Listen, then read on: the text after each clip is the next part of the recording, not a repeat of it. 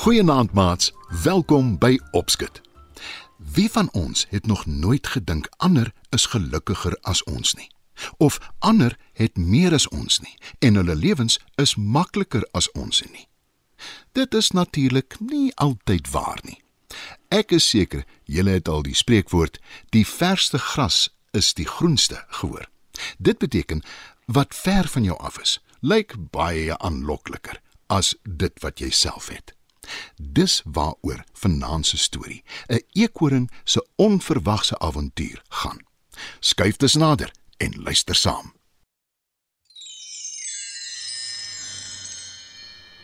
Elsie die eekoring bly saam met haar mamma en haar sussie in 'n pragtige park in die middel van 'n groot stad. Die park is omring deur hoë geboue en strate vol verkeer. Maar mense sou dit nooit sê wanneer jy binne in die park is nie. Want daar is dit rustig en veilig. Behalwe die eekorings is daar baie voëls in die park. Mense kom graag soontoe om te ontspan. Daar is 'n kiosk wat eetgoed en drinkgoed verkoop. Onder andere klein bruin papiersakkies met heel grondbone nog in hulle doppe. Dit maak Elsie baie gelukkig, want die mense wat die park besoek, koop van die grondbone en voer dan die eekorings. Elsie is dol oor grondbone. Sy eet dit graag, maar tipies eekoring begrawe sy ook daarvan vir later. Elsie is gelukkig in die park. Maar sy wonder tog soms hoe die wêreld daar buite lyk. Wanneer sy dit vir haar mamma sê, waarsku mamma eekoring. Moet asseblief nie allerlei idees kry nie, Elsie. Dis 'n gevaarlike wêreld daar buite. Bly liewer weg. Dis baie beter hier in ons park. En haar sussie stem heel hartig saam. Ek wil nooit hier weggaan nie. Dis die heel beste plek op aarde. Al het jy nog nooit iets anders gesien nie, sê Elsie verbaas. En dan knik sussie haar kop en sê: Ek is baie gelukkig. Dankie. Dis 'n heerlike oggend in die park. Elsie sien 'n groep mense naderkom. Sy weet sommer, hulle is toeriste wat vir die eerste keer die park sien. Sy het al geleer om besoekers uit te ken.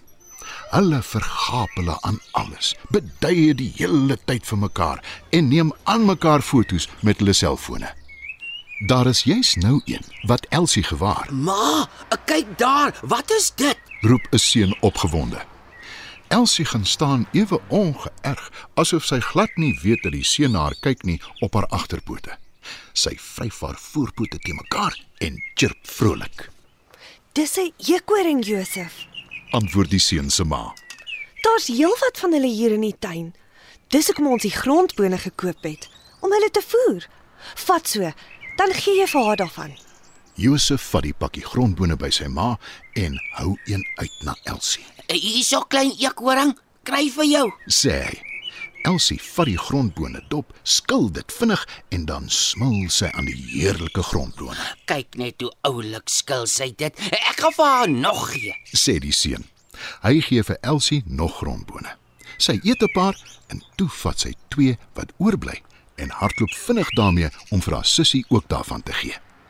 Na 'n ruk kom Elsie terug na waar Josef saam met sy mamma op 'n bankie sit. Hy vra sy ma uit oor eekorings. Wat is so dier as 'n eekoring nou eintlik, ma? 'n Knaagdier met 'n pragtige lang waaierstert. Verduidelik die seun se ma.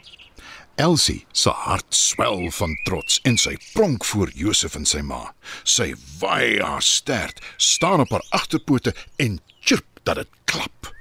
Ek wens ons kon haar saamvat huis toe. Sy is die heel oulikste ding wat ek nog ooit in my lewe gesien het. sê Josef. Ons bly heeltemal te ver weg, Josef. Wanneer ons die lang pad terug Limpopo toe vat, kan sy beslis nie saam met ons gaan nie. ons moet oorslaap op 'n plek waar diere nie toegelaat word nie. Buitendien, sy is 'n wilde dier. Wel, sy lyk vir my redelik mak. praat Josef mooi. Maar mamma skud haar kop. Toe begin sy ma sê hulle moet aanstaltes maak. Josef en sy ma begin wegstap. Elsie kyk hulle verlangend agterna. Toe besluit sy, vandag is die dag dat sy 'n kans vat. Al gebeur wat en al verander haar hele lewe hierna.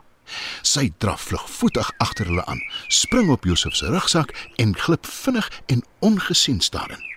Josef is so besig om aan 'n roomhuis te smil dat hy dit nie agterkom nie. Hy en sy ma klim in hulle kar en vertrek. Dis seker ook nie lekker om net die hele tyd in 'n park te bly nie. Eintlik kry ek die eekhoring jammer. sê Josef na ruk. Nou is Elsie sommer vies en sy begin twyfel of sy die regte ding gedoen het om in sy rugsak te klim en saam met hulle weg te ry. Sy is na aan trane en verlang na haar mamma en haar sussie. Hoe gaan sy terugkom by hulle wonder sy groot oog. Net toe hou Josef se mamma stil by 'n petrol garage. Dis my kans. sê Elsie en spring ongesiens by Josef se rugsak uit en draf weg. Sy gaan sit agter 'n boom en besluit wat haar nou te doen staan. Toe hoor sy 'n man wat in 'n taxi klim en sê hy is op pad na die pragtige park in die middel van die stad. Elsie huil amper van verligting. Sy spring in die taxi en sommer gou is sy terug by die huis. Ek het gewonder wat het van jou geword. Hoeveel grondbone het jy intussen verslind? Terg haar mamma. Elsie lag net en sê: Kom sissie, kom ek wys jou hoe om grondbone by mense te kry. Die groot geheim is om so oulik as moontlik te lyk. Elsie se ma is effens verbaas, maar sy sê niks nie. En Elsie, sy sal dalk ander dag vir haar ma en haar sussie van haar avontuur vertel. Maar nou is sy net baie gelukkig en baie verlig dat sy in haar bekende omgewing is. Ooswes, tuisbes.